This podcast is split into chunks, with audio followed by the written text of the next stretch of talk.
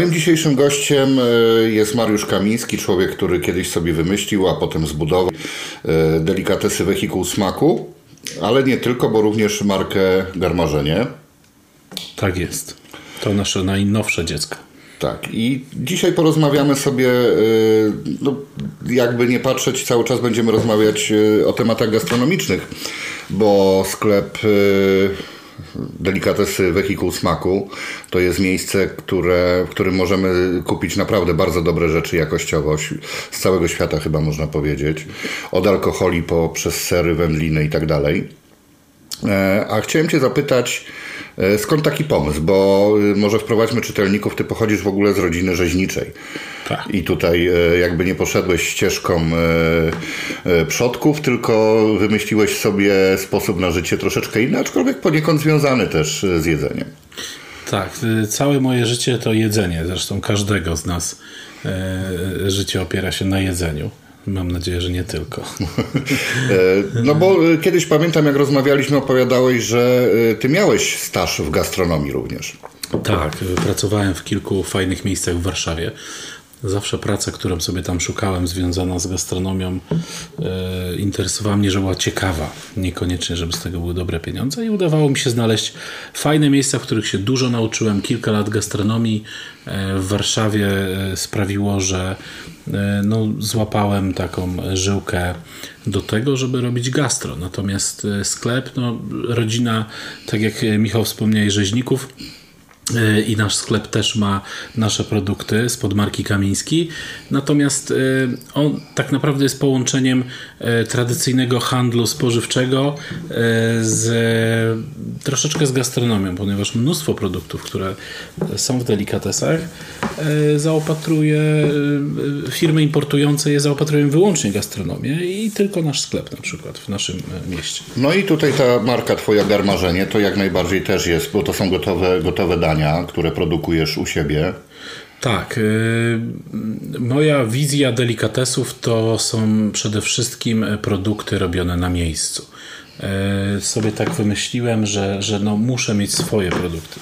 Swoją markę, y, oprócz mięsa wędlin, też, też garmażerkę na bardzo wysokim poziomie. Y, początki nie były łatwe. Wiadomo, dzisiaj największy problem to jest czynnik ludzki, ale udało się. Po paru miesiącach od otworzenia kuchni, to był dokładnie y, grudzień 2018 roku, y, na wiosnę 19 udało się ściągnąć szefową kuchni panią Anię, która ma duże doświadczenie w fajnych miejscach, również w Warszawie nomen omen pracowała i naprawdę ma świetne poczucie smaku i tą garmażerkę, którą robi z najwyższej jakości składników e, daje też od siebie bardzo dużo, co sprawia, że, że no jest to taki mój mały sukces. No to mogę potwierdzić, że jakościowo te, e, te dania są naprawdę super, bo miałem okazję próbować chyba większości tak jak mówisz, no ty miałeś szczęście, że y, potrafisz się otoczyć y, dobrymi ludźmi. E, nie tylko, bo u Ciebie w delikatesach osoby, które stoją za ladą, to nie są tylko sprzedawcy, to są ludzie, którzy potrafią e, doradzić, porozmawiać, e, pokierować klientem tak naprawdę. To nie jest czysty, czysty jakby taki układ, wchodzę, kupuję, płacę, dziękuję tylko, tylko to jest miejsce takie jak, jak takie y, sklepy, które pamiętamy y, sprzed lat, że się wchodziło i przy okazji się rozmawiało. A przy okazji wychodziło się właśnie z zakupami. I tutaj, I tutaj y, ogromny szacun za to, za to, co udało Ci się tam stworzyć. No na przykład Krzysiu, który jak ilekroć jestem, zawsze chwilę porozmawiamy. Jeżeli mam pytanie dotyczące alkoholi, to no chyba nie ma takiego pytania, na które nie potrafiłby mi odpowiedzieć. Tak, no o Krzysiu za chwilę e, szerzej, natomiast y, y, ja się staram polaryzować. Mnie y, bitwa cenowa na polskim rynku spożywczym cieszy i będzie cieszyła ponieważ wszyscy biją się ceną, wszyscy się biją tym, żeby mieć produkt u siebie jak najtaniej, sieci handlowe. My idziemy dokładnie w drugą stronę, co oczywiście nie oznacza, że jesteśmy drodzy, bo porównując nasze produkty, których ciężko spotkać gdzie indziej w Kielcach, e, wcale nie jesteśmy najdrożsi, a wiele produktów jest tańsze niż chociażby w, w, w, w e-commerce. E, natomiast jeśli chodzi o obsługę, no ludzie, którzy pracują u nas w delikatesach i teraz w, w naszej kuchni garmarzenie, zostają, zostają z nami. Oni chcą pracować, ponieważ oprócz pieniędzy, które pewnie mają odrobinę lepsze niż gdzie indziej, to jest ta atmosfera jakiejś, może za duże słowo, misji, natomiast y, takiego poczucia, że identyfikujemy się z naszym klientem, znamy ich, lubimy i chcemy, chcemy im służyć, a nie tylko ich obsługiwać. Natomiast Krzysiu, Udało mi się go 3 lata dokładnie mija, jak udało mi się go ściągnąć do delikatesów. E, no, moim zdaniem jest to jeden z najlepszych specjalistów w naszym mieście od alkoholi prawdziwy pasjonat. Jak ktoś nie wierzy, zapraszam, niech spróbuje yy, go czymś zaskoczyć. I weźmie dużą torbę ze sobą, bo na pewno nie wyjdzie, nie wyjdzie z pustą. To też, no i duży i gruby portfel. Okej, okay, to, to wiemy już o alkoholach. Y, ja bym jeszcze chciał poruszyć temat, y, którym rozmawialiśmy już dosyć dawno temu. Pamiętam, jak bardzo byłeś napalony na to, żeby sprzedawać swój własny chleb. I metodą prób, prób i błędów, bo to z tego co pamiętam, jak opowiadałeś, to był dosyć długi proces. W tym momencie możemy u Ciebie kupić e, prawdziwy chleb. Tak, do, do, do wszystkiego e, trzeba dojrzeć i do pieczywa też. Dlaczego mówię prawdziwy chleb, to za chwilę wytłumaczysz o co, o co chodzi. Tak, tak. Mam nadzieję. To jest bardzo proste. Zaraz opowiem, jak bardzo proste jest robienie e, prawdziwego chleba. Natomiast ja otwierając w 16 roku te delikatesy, próbowałem zrobić namiastkę własnego pieczywa. Dogadany byłem z lokalną, fajną piekarnią, która nam wstawiała przerwany wypiek tak zwany. Coś, czego chyba nikt nie robi, ale my spróbowaliśmy. E, I okazało się, że to nie jest to. A na czym polega ten przerwany? Jeżeli dobrze rozumiem, wstępnie podpieczone tak, pieczywo? Tak, podpieczone i... pieczywo my wsadzaliśmy do pieca, który nie był stricte y, piecem piekarniczym. To był, to był taki tradycyjny mhm. konwekcja para piec i, i w tej konwekcji dopiekaliśmy. E, to pieczywo sprzedawało się, ale to nie było to, ponieważ no, początki były trudne. No, pierwszy rok handlu nie wyglądał nawet w małym procencie tak jak teraz. Teraz jest zupełnie inaczej. E, później dorastałem do tego, kupiłem w zeszłym roku prawdziwy piekarniczy, e, duży, fajny piec. E, urządziłem piekarnię obok kuchni. No i robimy teraz pieczywo. Mogę się pochwalić. W ostatnich dniach zrobiliśmy dwa nowe chleby, z czego jeden jest zupełnym, już wiem, że hitem, bo, bo nie ma mąki, także chleb, który nie ma mąki. Nie? No, to wydaje się, że. Jak to bezglutenowy?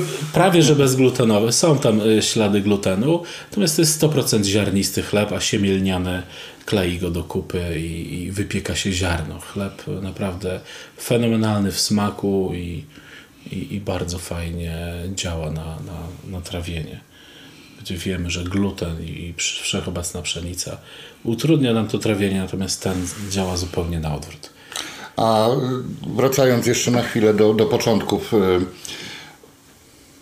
y, chleba w, u Ciebie w delikatesach, czyli y, skąd brałeś przepisy, skąd, czy to było na zasadzie takiej, że nie wiem, szukałeś osoby, która potrafi piec chleb i, i zapraszałeś ją na próby? Pani Ania, o której już mówiliśmy troszeczkę, powiedziała, że ona umie i lubi okazało się, że to, do czego doszła po paru miesięcznych próbach i szkoleniach, odwróciło jej wizję chleba do góry nogami. Pojechała na parę szkoleń e, po Polsce do, e, do fachowców, którzy, którzy pieką e, chleb i bułki metodami tradycyjnymi. No i wzbogacono tą wiedzę, robiąc swoje próby, doszła do, do tego, co mamy dzisiaj. Mamy zatrudnionego piekarza, który się w pełni słucha, który jest doświadczonym piekarzem wieloletnim i to wbrew pozorom nie jest, nie jest atut, ponieważ ma swoje nawyki no e, z, z, dużych piekarni, e, gdzie chce sobie upraszczać, ułatwiać. Bo tak jak mówię, no chleb jest bardzo prosty, natomiast e, nie ma tam żadnej tajemnej wiedzy. Jedyna tajemna wiedza, że naprawdę trzeba się przy nim napracować. Ten proces musi trwać. No to prawda. Ja sobie pamiętam, kupiłem tak zwaną Biblię chleba, książkę, książkę pod tytułem Chleb właśnie. I powiem szczerze, że jak zacząłem ją czytać, to po jakichś stu paru stronach stwierdziłem, kurde, poddaję się, nie, no to wiesz, wymierzanie, odpowiednie proporcje. Jestem strasznie chaotyczny i mnie to, mnie to strasznie rozwalało, że faktycznie są momenty, że jeżeli nie zachowasz tych, tych proporcji, no to ci po prostu ten chleb nie wyjdzie, więc na razie próbuję dalej, ale, ale chleb kupuję na zewnątrz. To jest ważne, tak. To jest naprawdę ważne, żeby się trzymać właśnie tych czasów, tych proporcji. Wszystko musimy ważyć, nic nie dajemy na oko. E, tak naprawdę w kuchni nie używamy wagi. Większość z nas nie używa wagi. W piekarni no jest to niemożliwe. W dużych piekarniach podejrzewam, że się, że się wszystkiego używa tak? na worki, na sztuki i tak dalej i, i te proporcje są w ten sposób zachowane. U nas wygląda to inaczej. U nas wszystko się waży, mierzy, e, ilość wody dodawaną się odmierza. Temperatura wody jest bardzo ważna. Nawet e, wodę, którą podgrzewamy, bo używamy wody E, wody z, z filtra filtrowanej. E, e, potem ją podgrzewamy, mierzymy jej temperaturę i dopiero dodajemy do chleba. Pomieszczeniu, gdzie ten chleb się robi, też utrzymujemy stałą temperaturę. To są czynniki, które są bardzo istotne przy chlebie. Także jest to bardzo proste. Później jest to mieszanie tak, jednego z drugim, później jest czekanie, niejednokrotnie jeszcze mieszanie w trakcie.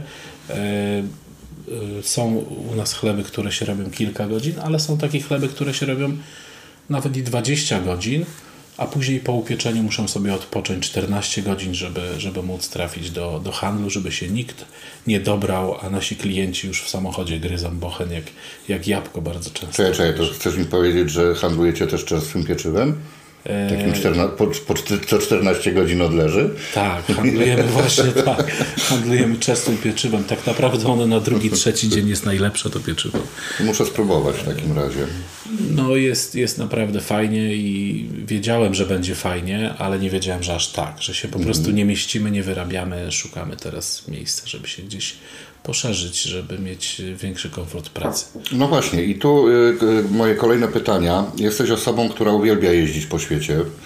E, od momentu, kiedy Chyba masz... każdy uwielbia, Michał. Wiesz co, no ja znam ludzi, którzy generalnie najlepiej się czują siedząc w mieszkaniu. A, ale, ale generalnie y, odkąd prowadzisz delikatesy, to też zauważyłem, że twoje wyjazdy zaczynają jakby zazębiać się z tym, co robisz, czyli y, jak Ameryka Południowa, to od razu jakaś degustacja win.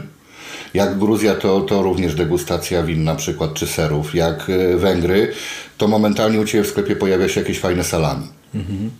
Tak, no odpoczywam e, trochę pracując, e, ale jest to bardzo przyjemne podróżowanie. Jeżdżenie, szukanie, inspirowanie się, podglądanie. E, no dzisiaj, żeby prowadzić coś fajnego, innego, wytyczać jakieś nowe, nowe ścieżki, to niestety albo istety trzeba podróżować, podpatrywać. A powiedz mi, masz tą garmażerkę, masz te dania, nie korciło Cię nigdy, żeby otworzyć, nie wiem, e, drugą salę na przykład, e, w której będzie można te rzeczy zjeść na miejscu. No czasami widziałem, że robisz takie akcje, szczególnie w lecie, na przykład grillowe, gdzie można sobie przyjść, kupić steka, e, zgrillować go przed sklepem, co mi się bardzo podoba. Swoją drogą, wiesz, mnie bardzo brakuje takich sklepów, które były przed wojną właśnie. Najczęściej to były sklepy rzeźnickie, które miały właśnie drugą salkę, gdzie można było skonsumować od razu to, co się zakupiło. Bardzo chętnie, natomiast no, to miejsce nas ogranicza. W tej chwili już z tym handlem naszym się nie mieścimy. Mm, w kuchni, w piekarni też jest dość ciasno. E, nie bardzo jest się gdzie poszerzyć, w którą stronę. Natomiast cały czas myślę, no mam nadzieję, że to jest e, tylko kwestia czasu, aż się poszerzymy i zrobimy właśnie delikatesy połączone z konsumpcją, z degustacją, z wypiciem kieliszka dobrego wina do No właśnie, do bo, bo, potrawy. bo u Ciebie sporo się pojawia ciekawych eventów dla klientów Twojego sklepu. No i dla wszystkich, którzy chcieliby w tym wziąć udział tak naprawdę, więc pamiętam, że są to imprezy najczęściej po zamknięciu sklepu, gdzie można przyjść. Jest osoba, która opowie na przykład o food paringu, o winach. Wiem, że teraz macie taki zamknięty event robienia sushi. Tak. Była ta akcja ze stekami między innymi. To się sprawdza? Sprawdza się, tak. Chcę, żeby ten sklep żył i on żyje. I nasi, nasi klienci to są troszeczkę też nasi goście, jak w restauracji. I chcemy też im pokazywać. Robiliśmy kilkukrotnie pieczenie pizzy.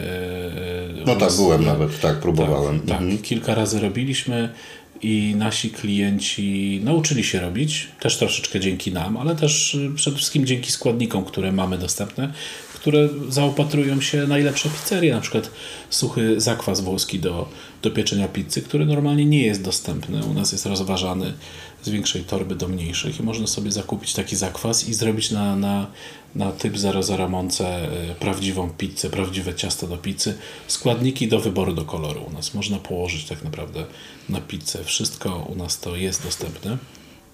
E, także te, te, te eventy y, sprawiają, że my troszeczkę też edukujemy i inspirujemy naszych gości, klientów do tego, żeby próbowali w domu to, co na co dzień mogą, chociaż w ostatnim roku nie mogli zjeść w restauracji. No to jest typowa sytuacja win-win. Wygrywa każdy i klient, bo dostaje wiedzę, jak te produkty dobrze spożytkować, za które płaci. E, wy jakby przywiązujecie tego klienta do siebie. Czyli rozumiem, że pomimo tego, że na razie jest jak jest, ale mam nadzieję, że już nie, niedługo, niedługo y, będzie można normalnie zacząć funkcjonować w przestrzeni publicznej. E, rozumiem, że te eventy będą, że to nie były jakieś jednorazowe wyskoki, tylko po prostu będziecie działać dalej. Zdecydowanie. Teraz na zewnątrz e, szykuję, już zadaszenie się jesienią zrobiło. Na wiosnę, jak wszystko wróci do, do normalności, otworzymy taką kawiarenkę, gdzie będzie można napić się espresso, zjeść lody i planuję tam robić e, latem takie na zewnątrz eventy właśnie food pairing, jedzenie z winem. Od, od samego początku parujemy wino i jedzenie. I teraz najbliższy event, o którym wspomniałeś, sushi, podejmujemy się karkołomnego zadania połączyć białe wina z, z sushi. My generalnie chodząc do suszarni jemy, jemy sushi, pijemy czoje i koniec. I, i w, w, niewielu suszarniach jest jakieś inne wino dostępne oprócz czoi. E, słodkie, śliwkowe wino, e, które moim zdaniem w ogóle mi do sushi nie pasuje. Jest za ciężkie. E, jest za ciężkie, ono gdzieś, gdzieś tam dominuje, e, ten aromat e, w tym winie dominuje nad winem. My połączymy pięć rodzajów sushi z, z pięcioma różnymi winami z różnych stron świata. Zobaczymy, jak wyjdzie. Szósta będzie słodkie węgierskie wino e, połączone z, z deserem też takim mocno azjatyckim, tapioka w mleku kokosowym z, z pulpą z mango i z musem z czarnej porzeczki. I to wszystko będzie okraszone skórką z limonki. No proszę. Czyli jeden taki mało słodki akcent, bo tak jak zacząłeś wymieniać, to się przeraziłem trochę. E, no, można powiedzieć, że grozi zaklajstrowanie, jeżeli jeszcze do tego podasz słodkie wino, ale efekt może być ciekawy. Ciekawą sprawą jest właśnie ten event sushi, bo jak e, mówiłeś mi o nim wcześniej, mm, normalnie jak ktoś e, robi warsztaty sushi, to ściąga ludzi, którzy to sushi robią od lat, są znani na rynku, a wy podeszliście do tematu zupełnie inaczej. Y, bardzo mnie zaintrygowało to, bo stwierdziłeś, że nie chcesz ludzi straszyć, że przyjedzie człowiek, który 20 lat robi rolki i on już, nie wiem, jest zmanierowany, czy, czy generalnie ma tą wewnętrzną, może nawet nie wie, nie wie o tym, ale ma tą wewnętrzną wyższość.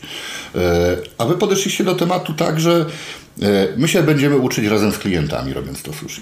Tak, dokładnie tak. No, zapraszając, miałem taką pokusę, żeby, żeby e, poprosić e, kogoś ze znajomych, kto od lat zajmuje się robieniem sushi. Tylko pytanie, czy ci uczestnicy, którzy, którzy będą na, ty, na tych warsztatach, będą potrafili to powtórzyć w domu? Podejrzewam, że w większości nie. Natomiast chodzi o to, żebyśmy się nauczyli wspólnie. No my to sushi umiemy robić, wychodzi nam to nieźle. Te składniki, które mamy w, u siebie w delikatesach są najwyższej jakości. I to czuć, naprawdę czuć. Od wasabi przez imbir, nawet ryż, którego używamy, jest naprawdę dobry. E, jeżeli my to zrobimy z naszymi e, gośćmi razem, to jestem przekonany, że oni będą potrafili to powtórzyć potem w domu. Natomiast, e, natomiast zaskoczyłem się, zapraszając różnych naszych klientów na to wydarzenie, że oni uwielbiają sushi, a nigdy go nie robili w domu. A to naprawdę nie jest trudne i skomplikowane. Trzeba się tylko odważyć. No dobra, no ale zaczęliśmy, zaczęliśmy od tego, że, że y, to są delikatesy, a na czym polega idea delikatesów? Na ściąg produktów wysokiej jakości, y, niedostępnych y, często gdzie indziej w innych sklepach. I ty takie produkty masz. Tak, tak. Jak ja to mówię, cały czas się delikatesujemy. E, to, o czym wcześniej mówiliśmy, jeżdżenie, szukanie, e, ściąganie z różnych stron e, fajnych produktów, to jest to delikatesowanie również na zamówienie. Dość często, coraz częściej nasi, nasi klienci zgłaszają się po rzeczy, których nie potrafią sami znaleźć. No my mamy przeszperany rynek polski i nie tylko jeśli chodzi o produkty rzadkie albo takie, które. A możesz były... takie, nie wiem, e, dwa, trzy produkty takie naprawdę wyjątkowe, które ściągaliście? No, dużo alkoholu, którego nie ma, które są limitowane edycje, e, które gdzieś tam był jednorazowy wypust, nie ma ich już w handlu detalicznym e, powszechnym. Gdzieś są. Ostatnio, całkiem niedawno ściągnęliśmy dla klienta starkę 40-letnią, której w ogóle nie ma w handlu internetowym już ani detalicznym zajęło nam dobre kilka godzin dzwonienia. Dzwoniliśmy kilkadziesiąt różnych osób i firm i po nitce do kłębka udało nam się znaleźć cztery butelki e, z siedmiu dostępnych w Polsce ostatnich starki 40-letniej. E, no cena z ciekawości też, właśnie miałem zapytać cena o cenę. troszkę tak, zawrotna już niestety, bo, bo na półce 3000. E, Jedną ściągnęliśmy do klienta, od razu ją wziął tego samego dnia, jak tylko przyszła.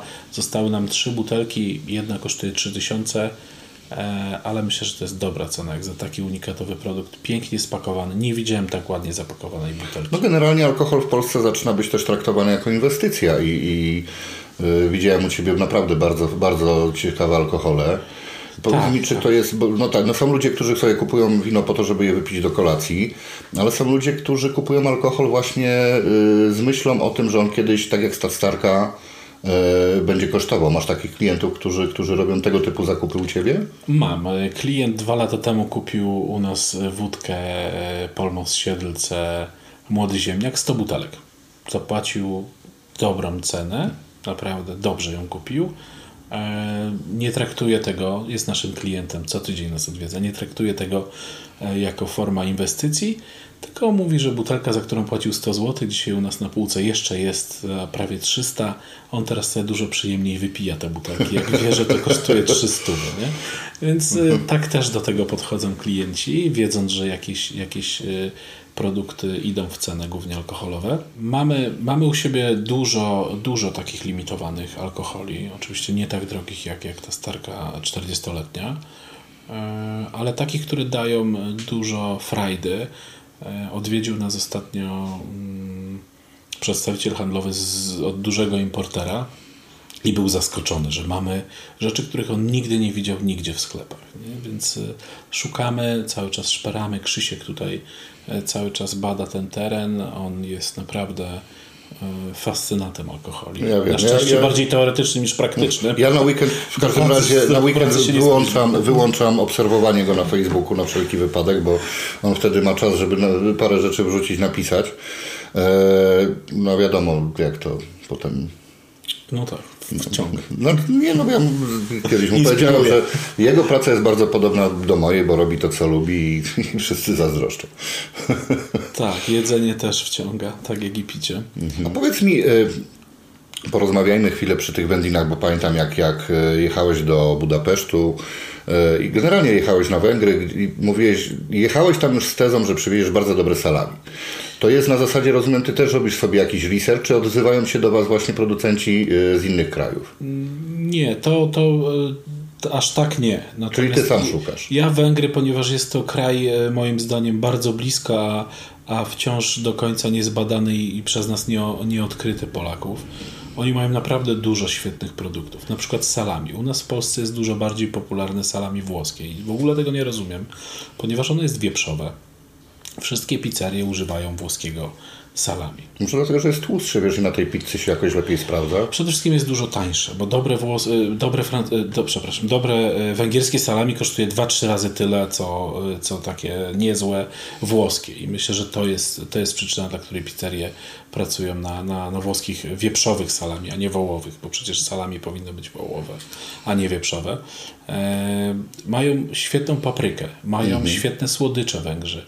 E, to, co znaliśmy w latach 80., to, co, to, co się gdzieś tam ukradkiem e, przywoziło z Węgier, co było u nas niedostępne. Oni cały, tak, oni cały czas to, to mają, oni cały czas to rozwijają. E, ja ten, e, ja ten rynek badałem, penetrowałem. Niestety pandemia sprawiła, że ja już tego nie przywożę, ale to jest chwilowo, bo w tym roku się znów wybieram. Nie byłem rok na Węgrzech, ponad rok, ponieważ no, trudności z przemieszczaniem się. Natomiast będę, będę ściągał e, coraz więcej produktów z tego kraju, bo są naprawdę świetne jakościowo i zupełnie inne niż to, co my mamy. Włoskich produktów w Polsce, włoskich e, importerów produktów włoskich jest mnóstwo. Jest naprawdę kilkaset, od takich ogromnych po, po małych, ale jest ich mnóstwo. Węgierskich e, importerów produktów węgierskich w Polsce jest może kilkunastu. Mhm. No to właśnie dziwne, bo w sumie przecież e, z Węgrami żyjemy za pan brat od lat. To był kraj, do którego można było e, nawet za komuny wyjeżdżać, bo należał do naszego obozu. Przywoziło się stamtąd te, te, te rzeczy i gdzieś tam, e, przynajmniej moje pokolenie, twoje pokolenie, pokolenie naszych rodziców, na pewno te produkty bardzo dobrze pamięta. I tak, dobrze wspomina. Pamiętają, znają, dobrze wspominają.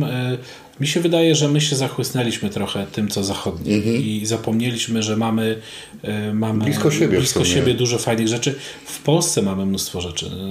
Nie zdajemy sobie sprawy, ile mamy fajnych producentów nawet w naszym regionie świętokrzyskim, mocno rzemieślniczych, naprawdę dobrych, uczciwych, e, świetnie smakujących produktów. No za mną stoi na przykład butelka cytrynówki świętokrzyskiej. Tak, produkt, który się u nas świetnie sprzedaje. Jesteśmy jedynym miejscem w Kielcach e, handlu detalicznego, w którym cytrynówka świętokrzyska jest. Fajny pan z pasją e, z, spod Kielc, Suchedniowa, który tą, tą cytrynówkę zaczął robić produkt rewelacyjny. Dla mnie mi, powinien być dostępny na całym świecie.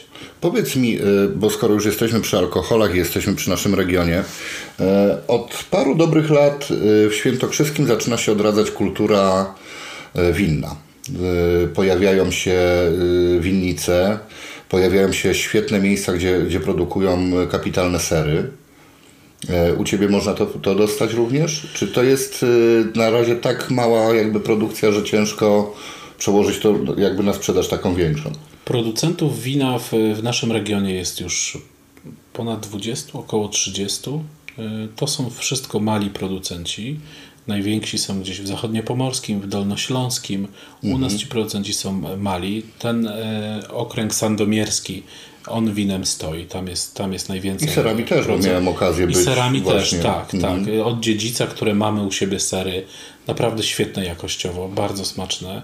E, ale wina. Wina, e, wina w Polsce są cały czas polskie e, za drogie.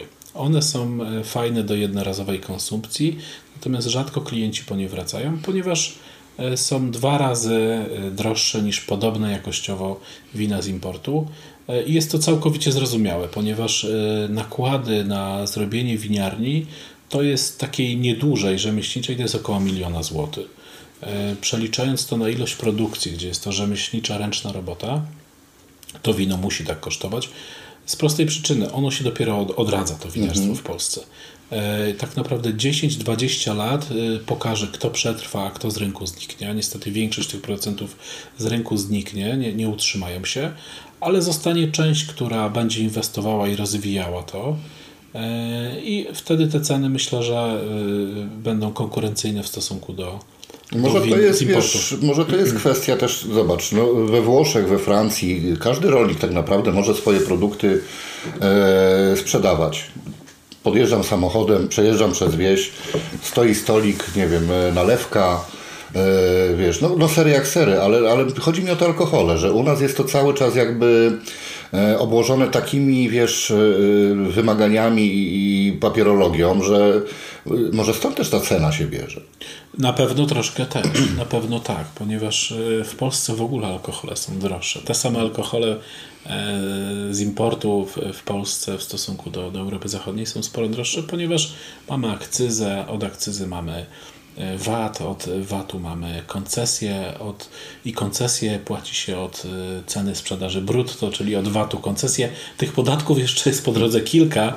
E, nie będziemy ich wszystkich tu wymieniać, bo, bo by nam za długo zeszło. I stąd się później na półce robi ta cena. Też to, że e, rzemieślnik, który wytworzy swoje produkty alkoholowe, nie może, tak jak wspomniałeś, ich sprzedać przy drodze. Może kogoś poczęstować, tak? może mhm. komuś dać butelkę, ale nie może jej po prostu sprzedać. Tak? Musi banderole. Jesteśmy jednym e, z, z trzech krajów w Europie, które ma do dzisiaj banderole. e, nie każdy ze słuchaczy wie, ale ale oprócz e, tych wszystkich opłat koncesyjnych za każdą tomowijkę też się płaci dodatkowo. Mhm. Nakleja się ją, e, no jeżeli jest się producentem tutaj na miejscu, to tu, ale jeżeli na przykład się ściąga wideo z Węgier, to trzeba specjalnie wysłać, to, specja to nie jest taka zwykła kurierska przesyłka, wysłać te banderole tam, tam ktoś się musi okleić i dopiero przychodzi tutaj to specjalny magazyn celny i tak dalej. Tej biurokracji, tych, tych opłat jest mnóstwo po drodze e, i dużo obostrzeń i stąd się biorą te ceny nie? I, i, i trudność w, w dystrybucji swoich produktów. No nie wiem, czy jesteśmy narodem, który sobie tak lubi utrudniać, czy lubi wybierać ludzi, którzy tak lubią innym utrudniać. Czy myślę, że jesteśmy narodem, który który lubi mieć co robić. Tak? No. Im, więcej, Im więcej sobie takich rzeczy powymyślamy, tym mamy więcej e, pracy i, i tak to działa. Dobra, to słuchaj, bardzo Ci dziękuję za rozmowę. Na koniec jeszcze mam jedno pytanie do Ciebie, e, a mianowicie e, Jakiej kuchni brakuje Ci w Kielcach? Pracując w Warszawie w kilku restauracjach, ostatnim miejscem była restauracja chińska, która jest naprawdę świetną kuchnią. Miałem okazję w Chinach być parę razy. Ona jest tam zupełnie inna niż ta przystosowana do naszych podniebień europejskich, ale, ale też bardzo ciekawa, bardzo różnorodna. E, I w Kielcach nie mamy tak naprawdę chińskiej restauracji. Nie, mamy polwiety różnej jakości. Mamy polwiety, tak. Mamy tych polwietów e, kilka, różnej jakości. Czy fajne jest to, że w niektórych miejscach już próbują jednak e, odejść od tego typowo polwietowego smaku i próbują przemycać a to zupę, a to jakieś inne dania, a to marynowany boczek taki po wietnamsku, gdzie faktycznie Natomiast no, kuchni chińskiej jako takiej nie mamy. Kuchni, kuchni chińskiej jako takiej nie mamy i no, mi się taka kuchnia marzy. Miałem kiedyś nawet taki pomysł, żeby, żeby ją przeszczepić, tą, tą, w której pracowałem z Warszawy tutaj, no, gdzieś to odłożyłem e, dalej. E, dla mnie świetna kuchnia, e, różnorodna, ciekawa. Tego, tego mi brakuje, bo taja e, mieliśmy fajnego na, mhm. na Warszawskiej, na Paderskiego, teraz mamy nowego obok tam na, na Niskiej próbowałem, jest ok, no, jest inny zupełnie niż ten, którego znam gdzieś tam z podróży e, w różne miejsca, ale daje radę. Natomiast Chińczyka nie ma. Takiego Chińczyka, Chińczyka mi tutaj w Kielcach brakuje zdecydowanie. Muszę jeździć do Warszawy, jeżeli zjem, chcę zjeść coś, coś prawdziwie chińskiego.